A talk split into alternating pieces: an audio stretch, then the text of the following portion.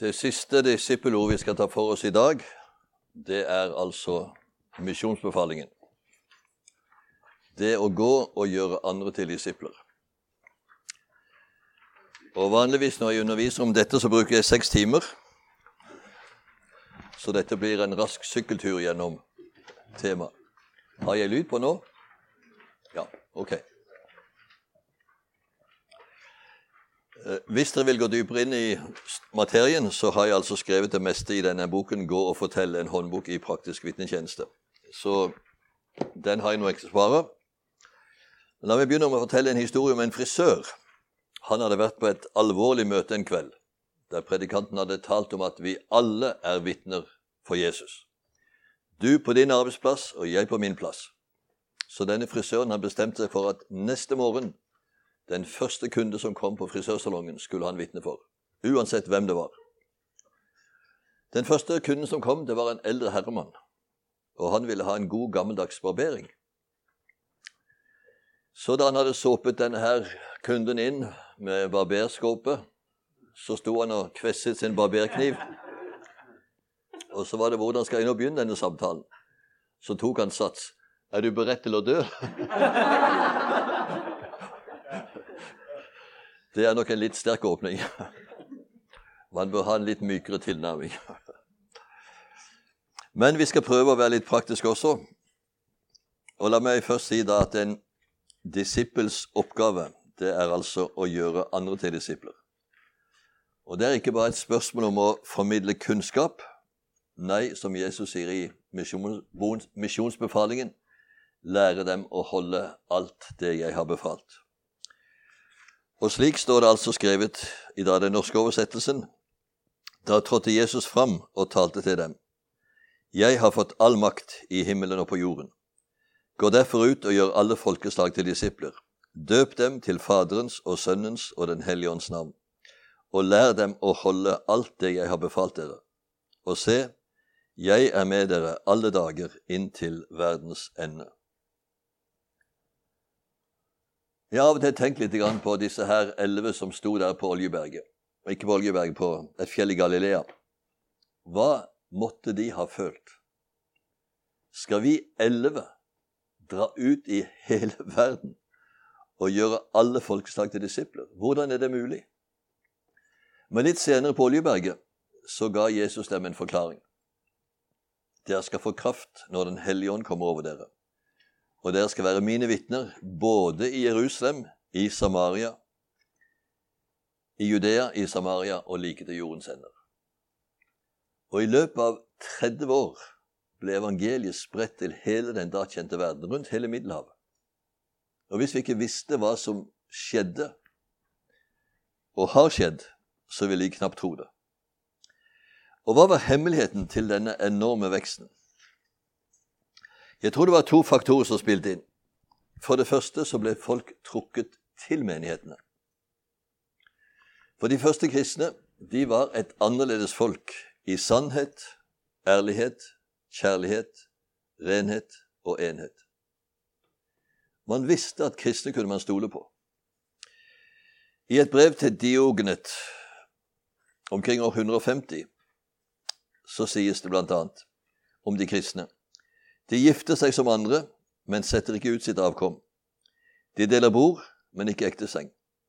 De er i kjødet, men lever ikke etter kjødet. De bor på jorden, men har sitt hjem i himmelen. De adlyder de gjeldende lover, men gjør dem overflødige gjennom sin livsførsel. Et flott vitnesbyrd.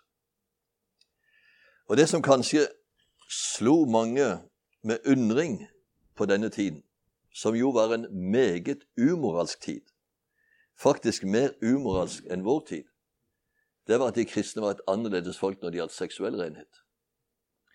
En av samtidens kritikere skriver allikevel ærlig de kristne har alt felles så nær som deres koner.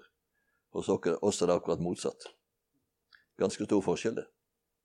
Og Det som kanskje gjorde størst inntrykk allikevel, det var de kristnes innbyrdes enhet.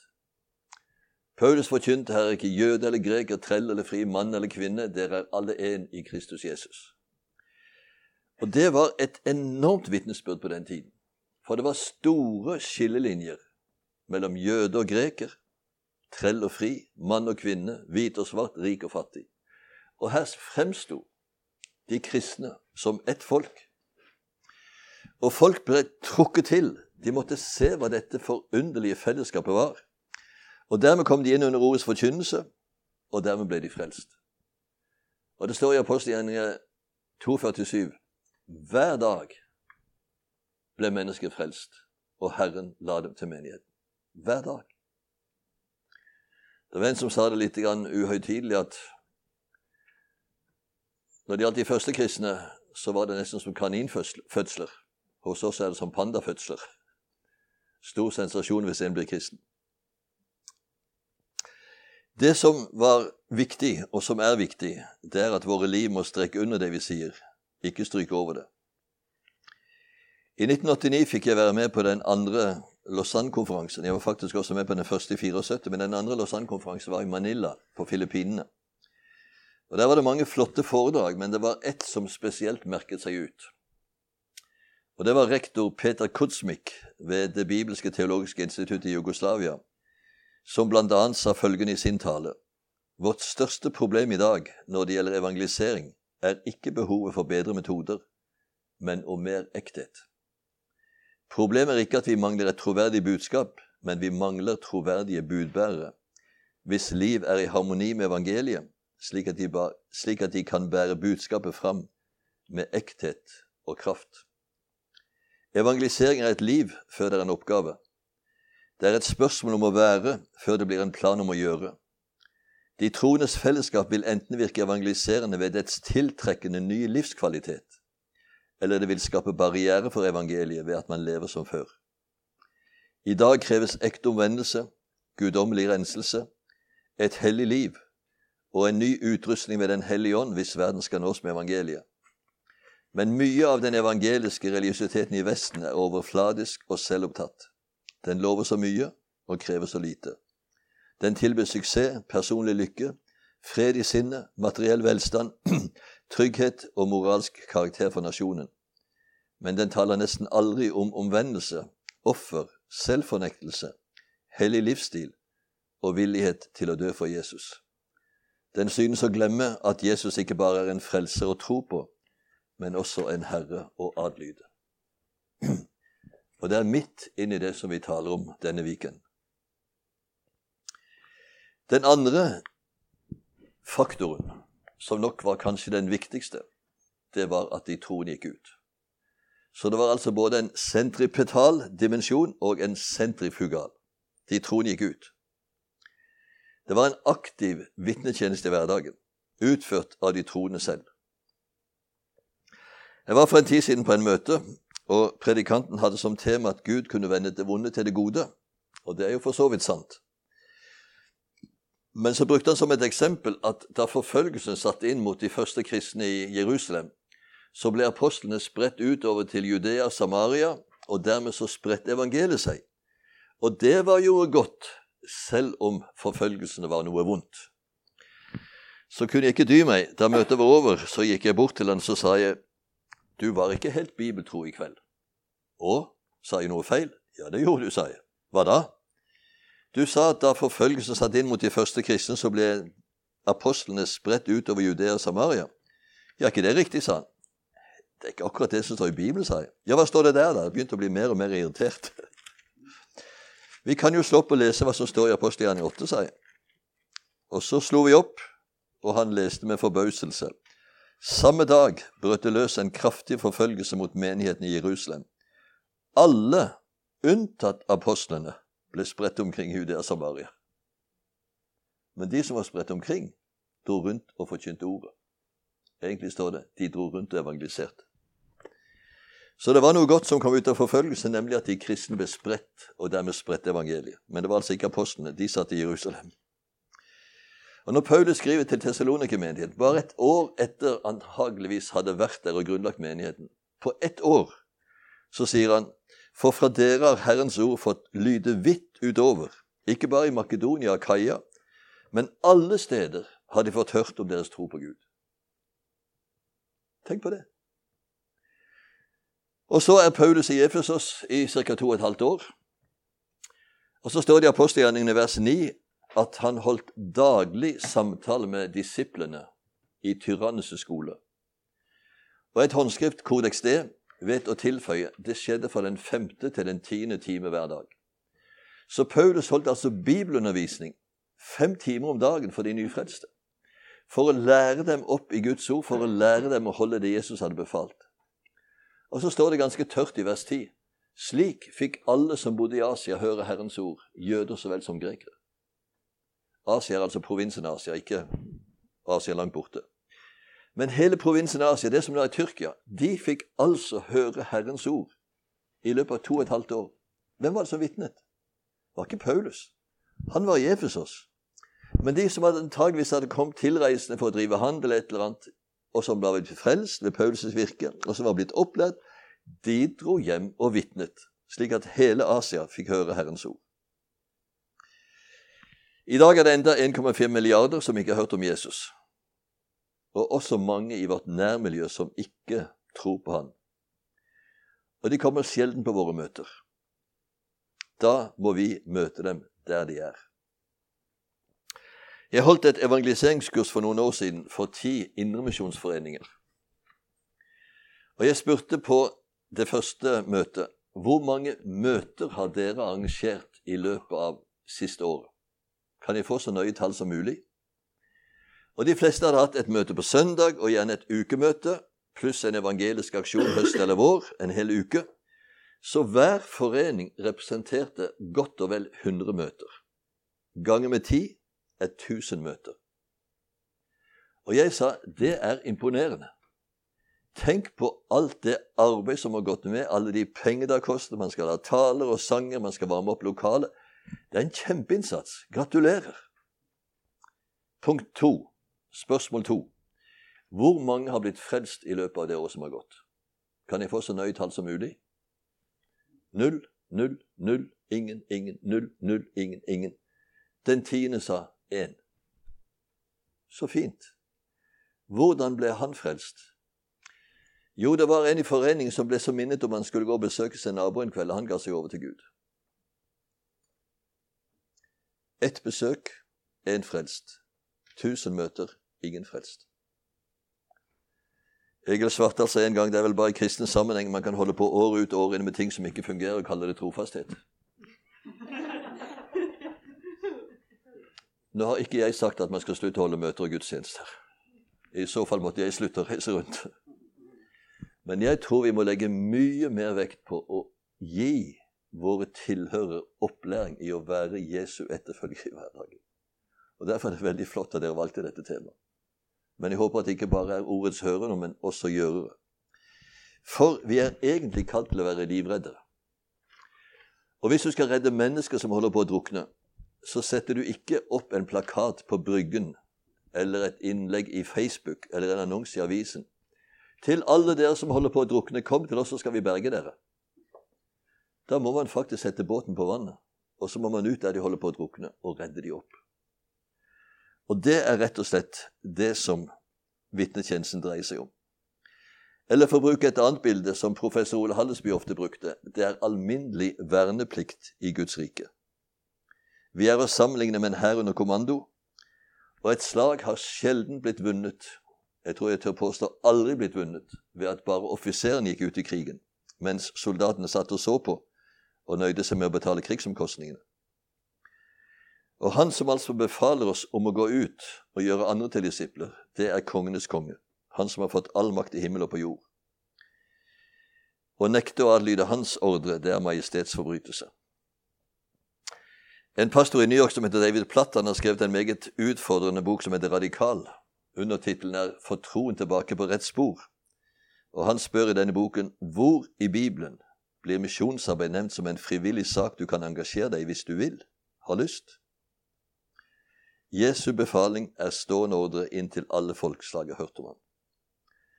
Og befalingen lyder i Jerusalem, der du bor, i ditt nabolag, utover ditt land, like til jordens ende, om han leder slik. I fjor var jeg og besøkte retreatsenter Faldi Brunin, Jeg vet ikke om du har hørt om det, borte i Wales. Og Søndagen var vi til gudstjeneste, og da gudstjenesten var over og vi skulle gå ut, så sto det et stort, gult skilt på innsiden av utgangsdøren. You are now entering your mission field. Og det tenkte jeg burde stå på alle utgangsdører. Du er nå på vei ut til din misjonsmark.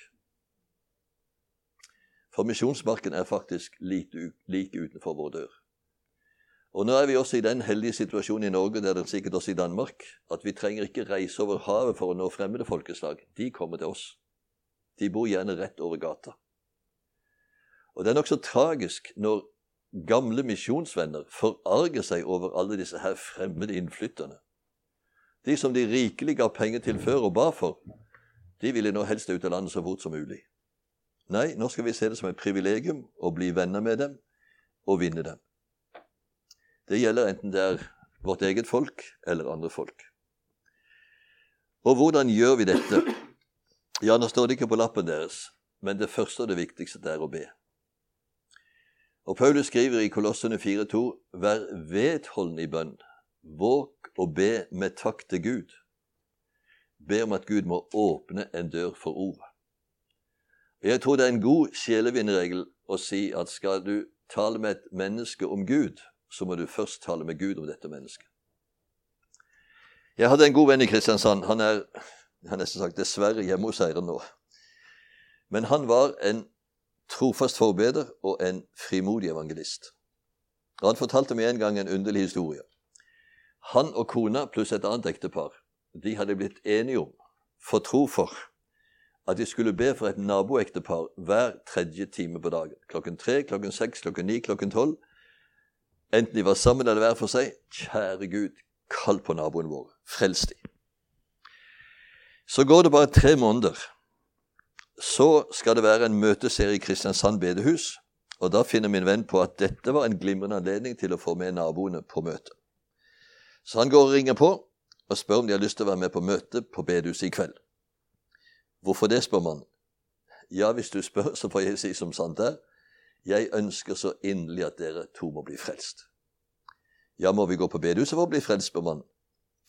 Nei, strengt tatt ikke, men ofte er det slik at når man går på et møte og hører Guds ord forkynt, så kommer man til tro, og så blir man frelst. Ja, det går ikke an å bli frelst her, spurte mannen. Jo, for så vidt. Ja, kan du komme inn og forklare oss hvordan? Og det kunne han. Så han delte evangeliet med dem og merket at det gikk rett inn. Så han spurte Ønsker dere to å ta imot Jesus som deres frelser og herre her og nå? Ja, sa de begge to i kor. Og så får han lede dem til Gud i deres egen stue.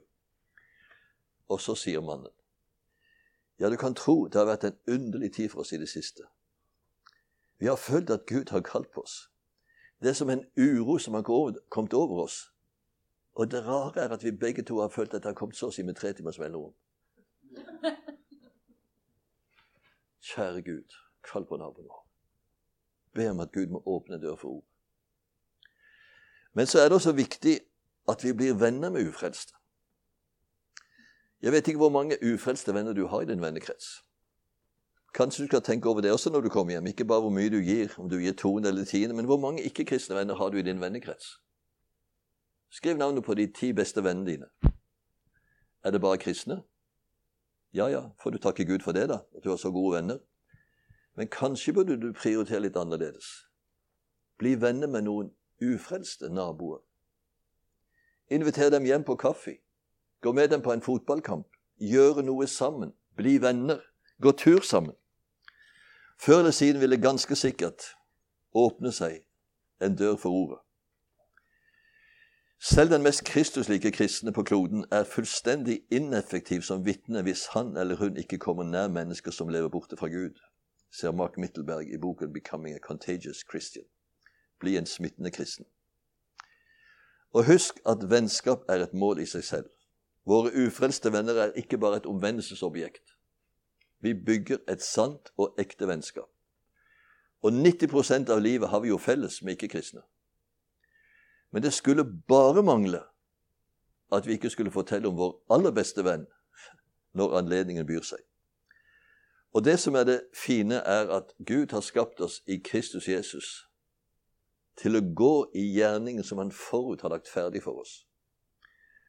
Og hvis du har bedt og er innstilt på å bli brukt, så vil du også få anledninger der du på en naturlig måte kan fortelle om hva Jesus betyr for deg. Og da er du et godt vitne.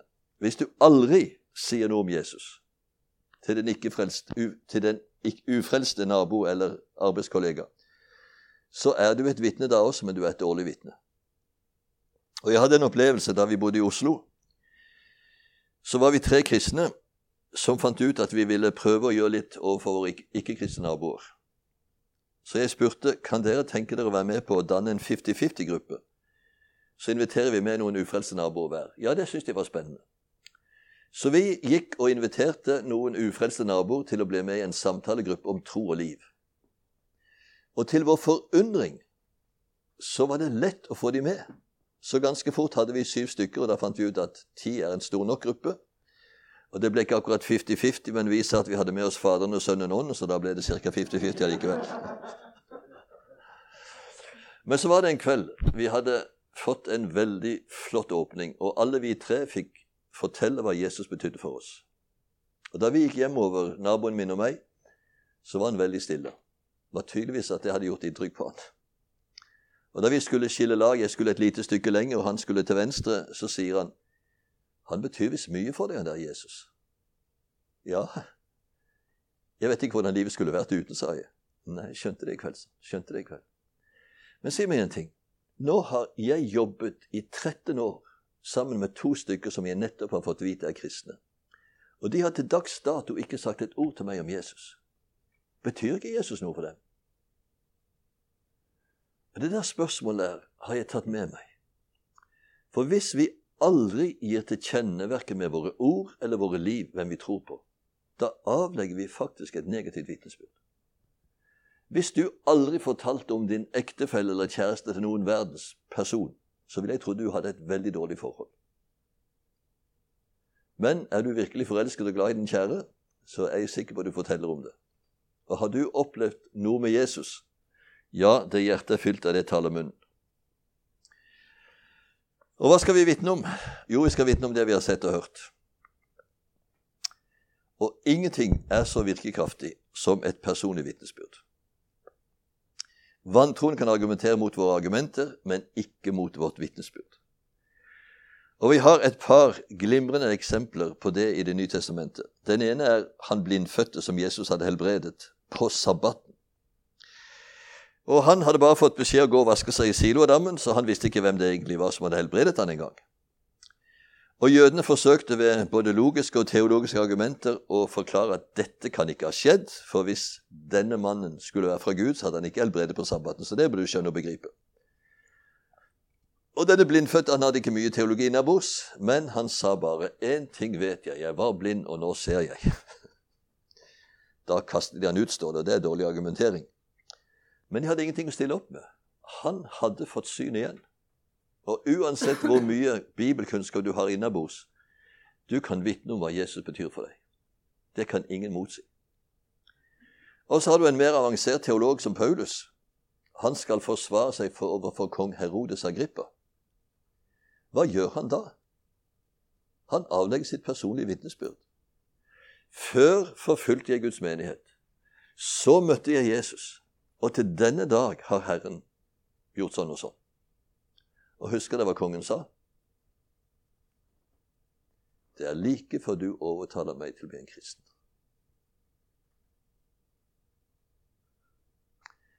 Og Jeg har opplevd det selv noen ganger.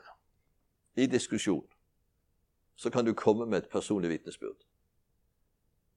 Og det snur hele situasjonen. Og jeg har nesten sagt jo ferskere det er, jo bedre er det. Og kanskje det mest radikale eksempelet opplevde jeg for en del år siden. Så dette er altså ikke ferskt, men det var ferskt når det skjedde. Jeg hadde vært på et evangeliseringskurs i Southampton i England. Og Der var vi alle plassert hos ikke-kristne vertsfolk. Og vi fikk beskjed om at deres første misjonsoppgave på dette kurset er å vitne for vertene deres. Og Det var ikke så vanskelig, for de spurte hva dere lært på kurset i dag, og så måtte vi fortelle det, og så var vi i gang.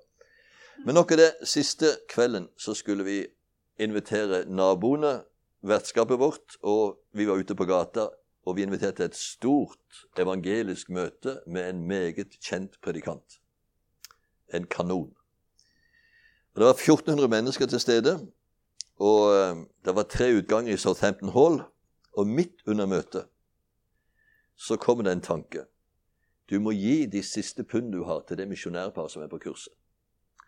Og Det var et misjonærpar med på kurset. De skulle snart reise ut til eh, Madagaskar. Og Jeg la merke til når vi var ute og kjøpte middag, for det måtte vi sørge for selv. Frokost og kvelds fikk vi hos vertsfolket. Men da kjøpte de alltid det billigste på menyen. Som regel dagens suppe. Og jeg lurte opp lommeboken min og kikket oppi den hvor mye det var. Jo, det var ca. 30 pund, og det var greit nok. Jeg skulle gjerne gi de til dette misjonærparet, men vi hadde sagt farvel. Og det å treffe dem igjen anså jeg nesten som å finne en nål i en høystakk. Så jeg sa bare, Herre, hvis det er din vilje at jeg skal gi deg disse pengene, så må du sørge for at vi møtes etterpå. Og jeg tok sikte på den midterste utgangen, og der på andre siden av gaten sto de liksom litt sånn fortapt. Og jeg strøk rett bort og trykket 30 pund inn i hånden på kona og sa at dette skal dere ha. Og hun begynte å gråte. Hvorfor gråter du, sa jeg. Oddvar, vi har ikke penger til å komme oss hjem i kveld. Og dette er akkurat det vi trenger. Tusen takk for at du var lydig. Vi har bedt i hele dag om at noen måtte bli minnet om å gi oss penger, men vi har syntes det har vært så flaut å spørre noen om penger. For vi har ikke sjanse å gi tilbake igjen. Nei, men dette skal dere ha, sa jeg. Men de følte seg velsignet, og jeg følte meg velsignet. Så det er gleden ved å gi. Men neste dag sitter jeg på flyet. Så får vi frokost servert, og så begynner jeg å prate med sidemannen. Han skal til Norge på ferie, har aldri vært i Norge før, og jeg skryter av dette vakre landet vi har. Og etter å være ferdig med det, da, så spør han plutselig Men hva har du gjort i England? Jeg har vært på et evangeliseringskurs. Og hva lærer man på et sånt kurs? Ja, vi lærer bl.a. hvordan vi skal snakke med andre om Gud. Tror du på Gud, sa han. Ja, det gjør jeg, sa jeg. Ja, det gjør ikke jeg, sa han. Hvorfor gjør du ikke det? Tror du at det finnes en høyere makt som, kunne, som skulle kunne ha oversikt over 7-8 milliarder mennesker? Ja, det tror jeg, sa jeg. Nei, det trodde ikke han på. Ja, Det skulle ikke være så vanskelig å tro det i vår datatid, sa jeg. 8 milliarder det er jo egentlig bagateller. Men det som gjør at jeg tror det, er at jeg erfarer at det er en Gud som hører bønn, en Gud som leder, en Gud som gir bønnesvar, osv. osv. Det opplever jeg stadig. Ja, hvordan gjør du det, sa han. Ble han litt nysgjerrig. Ja, ta for eksempel i går kveld, sa jeg blodferskt. Og så fortalte jeg den historien. Skulle sett det hakesleppet. Hvordan går det an å få sånn kontakt med Gud? Ja, det skal jeg forklare deg, sa jeg. Og så fikk han lære alt jeg har lært på kurset. og så fikk han med seg all den evangeliseringslitteraturen jeg hadde, og lovte han skulle lese alt i ferien. Og Hvis jeg møter han igjen i himmelen, skal jeg si takk for sist. Men det var sånn typisk ferdiglagt gjerning pluss også en sånn erfaring av hva et vitnesbyrd kan bety inn i en konkret situasjon.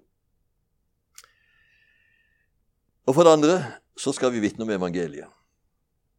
Og på Oljeberget, i Lukas 24, parallelt med apostelen 1,8, så sier Jesus i hans navn skal omvendelse og tilgivelse for syndene forkynnes for alle folkeslag. Og det å vende om det betyr egentlig å vende om 180 grader og gå i stikk motsatt retning. Har man før gått bort fra Gud, så skal man altså gå til Gud. Og selve grunnsynden, det er faktisk å ikke tro på Jesus. Jesus sier i Johannes 16,9.: Synden er at de ikke tror på meg. Det finnes mange mennesker som lever et moralsk høyverdig liv. Jeg husker jeg hadde en ung mann på et alfakurs, og han sa en kveld jeg kan ikke skjønne hva jeg egentlig skulle oppnå med å bli en kristen. Jeg tør påstå at jeg lever minst like moralsk bra som dere, og jeg har det godt. Hvorfor i all verden skulle jeg bli en kristen? Så brukte jeg et bilde. Så sa jeg Tenk at jeg skulle fly til New York. Da må jeg først reise til Kastrup og der er det 100 gates. Og jeg er litt usikker og litt seint ute, så i farten så forviller jeg meg om bord på feil fly. Det er ikke sikkert det er mulig, men bli nå i bildet. Jeg forviller meg om bord på feil fly. Og Nå har jeg reist også mye rundt forbi i verden, og det er stort sett det samme som skjer på alle fly. Du sitter trangt, iallfall på økonomiklasse. Du får en enkel servering. du leser en bok eller en avis, tar en liten dupp, prater kanskje litt med sidemann. Kort sagt, det skjer det samme på alle fly. Men det viktigste er jo å komme på rett fly. Og sett at jeg nå har levd i god tro på at jeg er på vei til New York, og så sier de plutselig høyttaleren Rett opp stolryggen, fest setebeltene, slå opp bordet foran dem. Vi lander i Teheran om en halv time. Da hadde jeg bombet alvorlig på målet. Og nå er saken den at det er bare ett fly som går til himmelen, og det flyet heter Jesus. Og hvis du ikke er om bord på det flyet, så havner du på feil sted. Uansett hvor bra du har hatt det på reisen. Uansett hvor bra du har oppført deg. Å synde på gresk, hamartein, betyr egentlig å bomme på målet. Når de skjøt på blink, og en eller annen skjøt borte i skogen, så sa de andre, Hamarteis, du syndet. Du bommet. Og den som ikke tror på Jesus, bommer på sitt livmål. Og målet som Gud har med enhver av oss, er at vi skal komme til himmelen. Og eneste vei heter Jesus. Jeg er veien, sannheten og livet. Ingen kommer til Faderen uten ved meg. I dag hevdes det at alle religioner er like gode. Det er det samme hva du tror, bare du tror, og er fornøyd, og er fornøyd med din tro. Det er ikke riktig. Det er stor forskjell på kristendommen og de andre religionene. Uansett, fra den mest primitive til den mest høytstående, så er egentlig tanken i religionene guddommen, skriv med liten g, sitter her på toppen av et fjell, og så er religionene egentlig menneskets forsøk på å klatre opp til Gud. Du må gjøre, du må be, du må faste, du må valgfatte. Du må gjøre, du må gjøre, du må gjøre. Og når kan du da vite om du er god nok? I islam så er Allah nærmest som en skålvekt. Her er de gode gjerninger, her er de onde. Hvilken vei tipper det? Forhåpentligvis den. Men alle er lunefull, han kan kaste hvem han vil bak sin rygg.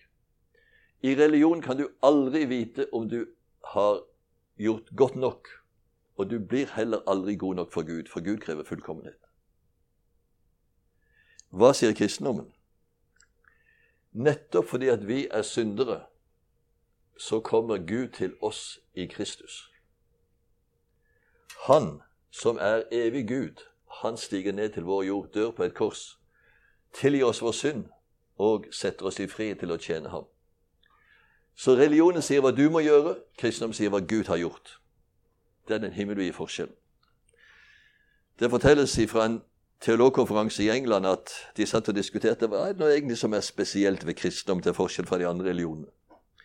Og Da kom C.S. Lewis inn og sa det er noe å diskutere. Det er nåden. Det er nåden. Den utgjør hele forskjellen. Det å si at alle veier fører til Gud, eller alle religioner fører til Gud, det er like tåpelig som å skulle si at alle veier fører til hytta vår. Du kan reise nord, sør eller øst og vest. Uansett hvor du drar, du havner på hytta vår til slutt. Takk og lov at det ikke er sant. Vi skal ha ferie når vi er på hytta. Nei, skal du dit, så er det faktisk bare én vei. Du må kjøre opp riksvei 9 til Evje. Så må du ta en sidevei som går mot Åseral. Så må du ta en skogsvei en kilometer, og så er det en stien til hytta. Det er eneste vei. Vil du til hytta vår, skal jeg beskrive veien nøyaktig for deg. Hjertelig velkommen. Men du kommer ikke noen annen vei enn den du får foreskrevet. Og slik er det faktisk også med veien til himmelen. Det er bare én vei. Den heter Jesus.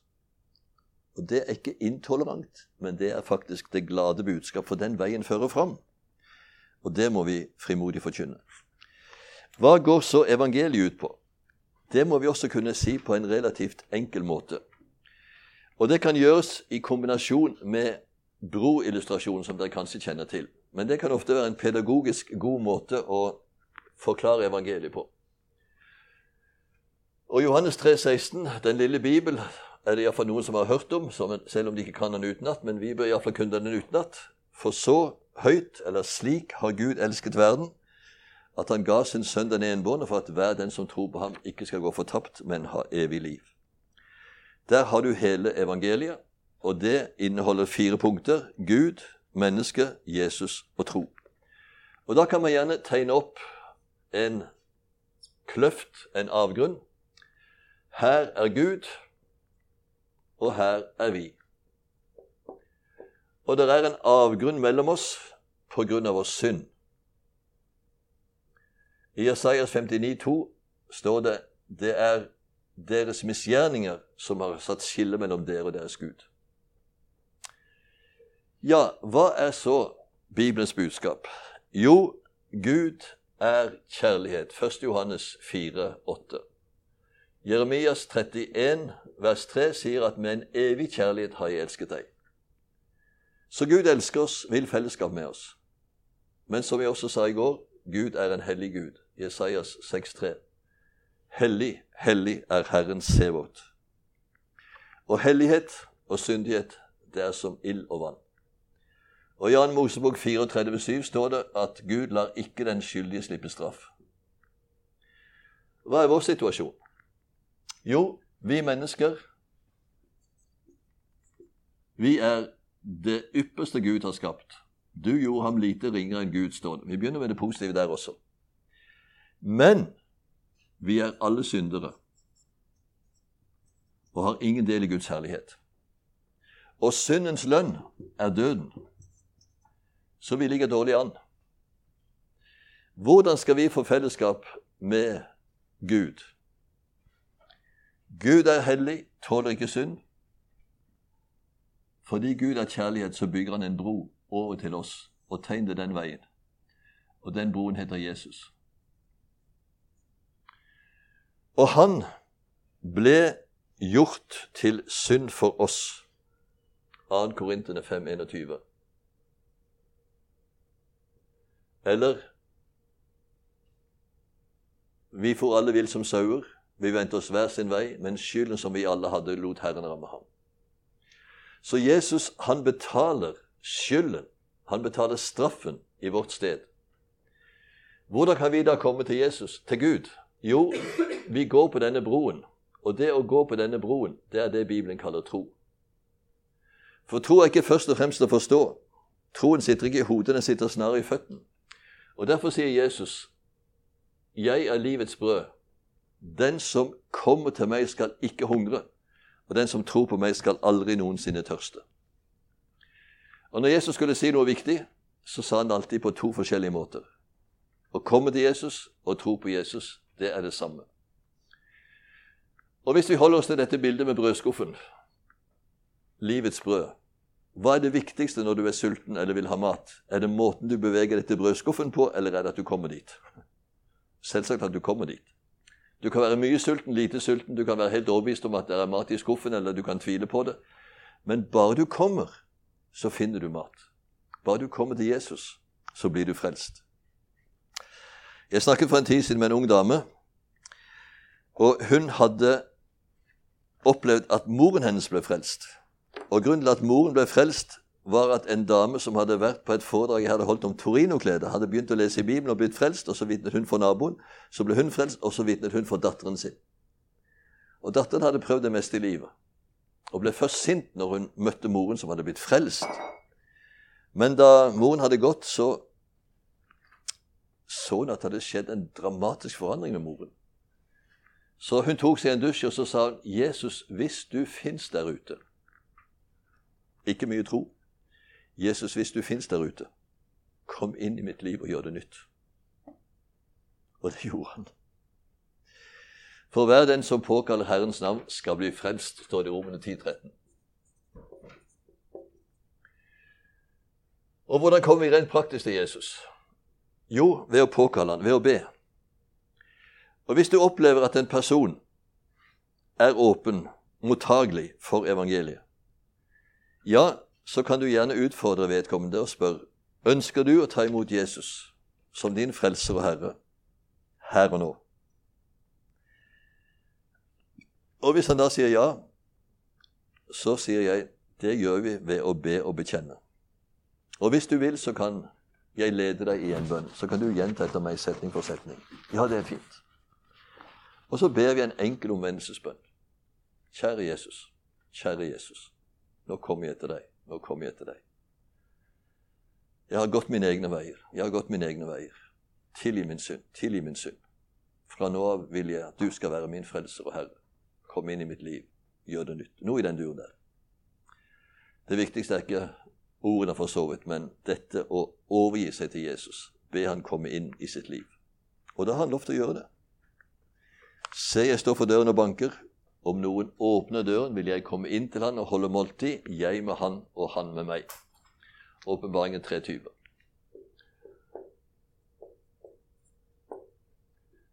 Jeg kan forresten aldri sitere det verset uten å tenke på en uh, ung mann som stanset igjen etter et møte jeg hadde holdt. Det var tydeligvis han ville snakke med meg. Og da alle hadde gått ut, så sa han å, jeg har kjent at Jesus har banket på mitt hjerte i kveld. Og jeg vil gjerne ha han inn. Men det sa du ingenting om hvordan vi kunne få han inn. Nei, det har du jammen rett i, sa jeg. La oss sette oss ned og prate litt. Så fortalte han om sitt liv. Han hadde vært med på litt av hvert, var ikke mors beste barn. Men nå vil han komme ut av det miljøet, nå vil han gjerne bli en kristen. Hvordan skal jeg få Jesus inn, sa han. Så datt det ut av meg uten egentlig hadde tenkt over hva jeg skulle si. Du, Hvis du fikk besøk av en god venn, han banket på døren, du kikket gjennom det lille hullet og så hvem det var, din beste venn, og du ville ha han inn, hva ville du gjort? Jeg ville selvsagt sagt 'kom inn og åpne døren'. Ja, kan du ikke si det til Jesus også, sa jeg. Ja, men det er ikke så enkelt. Jo, faktisk så enkelt er det. Du skjønner det rettferdige og fullkomne livet som du og jeg egentlig skulle leve for å kunne komme til Gud, men som vi ikke makter pga. våre feil og fall og svik og svikt og nederlag. Det fullkomne livet levde Jesus. Og han som var uten synd, han ble gjort til synd for oss. Så Gud la liksom skylden for alle våre feil og fall på Jesus. Og så betalte han straffen i vårt sted. Når du inviterer han inn i ditt liv, så blir alt dette ditt. Og da blir du et Guds barn. For alle de som tar imot han, blir Guds barn. Gir han rett til å kalles Guds barn. Ja vel, sa han. Det gikk rett inn. Og så snur han seg rundt og kneler ned ved benken. Og jeg knelte ned ved siden. Og så ber han, Kjære Jesus, kom inn. Amen. Det syns jeg var en litt for kort bønn. Han burde vel bekjent litt synd. Men det gjorde han ikke. Så jeg la bare hånden bort på skulderen hans og sa kjære Jesus, takk for at du sier ditt ord, at om noen åpner døren, så kommer du inn. Takk for at du nå har kommet inn i hans liv. Og så ba jeg at Jesus måtte lede han og beskytte han og bevare han, et eller annet sånt. Så reiser vi oss opp, og så smiler han over hele ansiktet.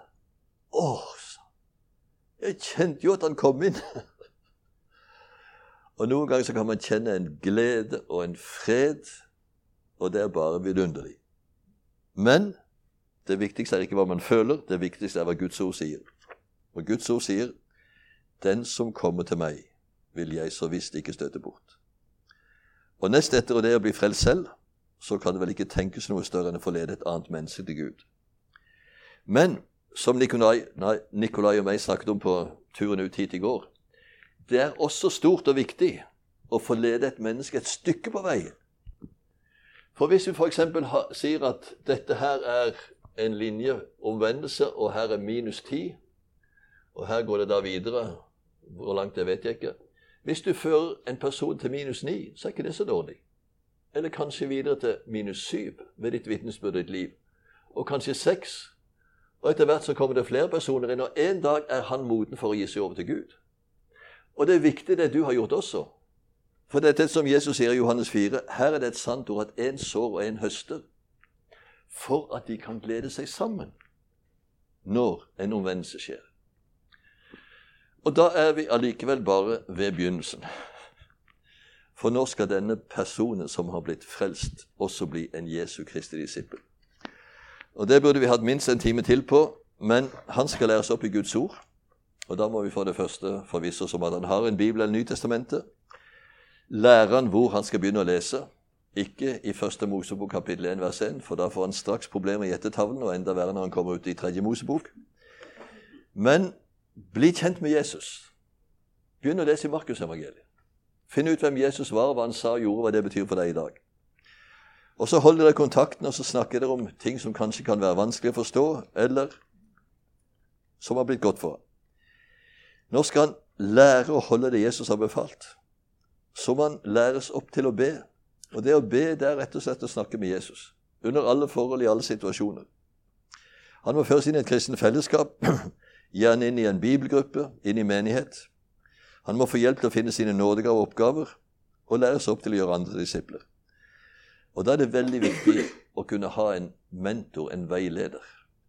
Og jeg utfordrer for tiden eldre kristne som kanskje har vært aktive i menighet før, Og så har barna blitt store og flyttet ut. Og så har de passert kanskje 50-årsalderen, kanskje 60-årsalderen, så tenker de nå har jeg gjort min innsats. Nå skal jeg nytte liv. Nå reiser vi til Syden, nå reiser vi på hytta, nå tar vi ferie. Og så roper unge mennesker er det ikke noen eldre som kan være veiledere for oss. Og Min kone og meg vi har begynt med åtte ungdommer nå. Åtte kan du si, lederspirer. Fra 20 til 30 år gamle. Vi møtes én gang i måneden. Vi har holdt på med et år det nå. Det er fantastisk. Det er så moro. De er som svamper. Og vi får formidle liv og erfaring. Og de spør, og vi ber, og vi deler liv. Jeg unner eldre kristne å få lov til å oppleve den gleden. Å være en mentor for yngre. Åndelig foreldre. Så vil jeg også si til slutt i etterfølgelsen Når vi skal virkelig følge Jesu ord, lyde Han, så vil vi oppleve gang på gang at vi kommer til kort. Nettopp da trenger vi Guds nåde. Både Hans nåde og tilgivelse for de ganger vi svikter, men også Hans nådeutrustning for å gjøre det Han kaller oss til. Men Han som kaller oss til dette, er altså Han som lovte å gå med alle dager og alle slags dager. Han lovte at vi skulle få kraft ved Den hellige ånd. Der ligger muligheten til å gjøre andre til disipler. La oss be. Herre Jesus Kristus, takk for at når du gir en ordre, så har du også en løsning på hvordan den kan utføres. Og svaret er du vil gå med. Takk at vi skal få lov til å vandre i gjerninger som du forut har lagt ferdige. Og takk at du har lovt at du vil gi oss både ord og visdom og kraft til å gjøre det du kaller oss til. Og så har vi alle mennesker rundt oss, både i vårt nabolag, i familie, på arbeidsplass, blant kollegaer. Her er det så mange muligheter. Gi oss øyne til å se med, vilje til å handle, mot til å gå, slik at flere kan få høre det glade budskapet om hvem du er, og hva du har gjort for oss.